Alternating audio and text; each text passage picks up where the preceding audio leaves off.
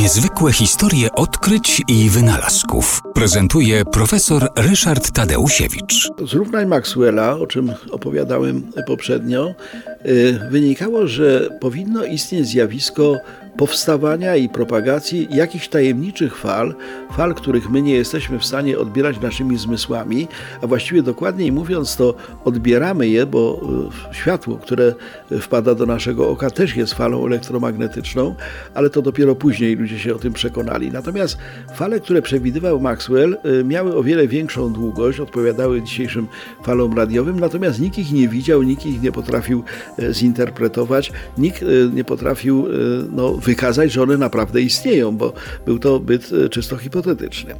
I człowiekiem, który e, zabrał się za to, żeby te nieistniejące fale ujarzmić, najpierw wytworzyć, a potem poznać prawa ich e, propagacji, prawa ich działania, był Heinrich Hertz absolutnie genialny eksperymentator, fizyk, Niemiec w 1886 roku wymyślił sposób wytwarzania fal elektromagnetycznych, czyli coś, co byśmy dzisiaj nazwali nadajnikiem radiowym.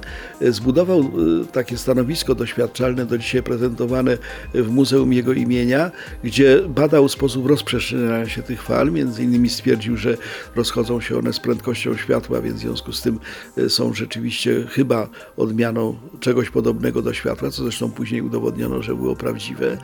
I Zbadał y, zjawiska, na przykład odbicia tych fal załamania, budował olbrzymie pryzmaty z y, parafiny, gdyż okazuje się, że fale radiowe przechodząc przez takie prostopadłościane z parafiny załamują się i zmieniają kierunek propagacji.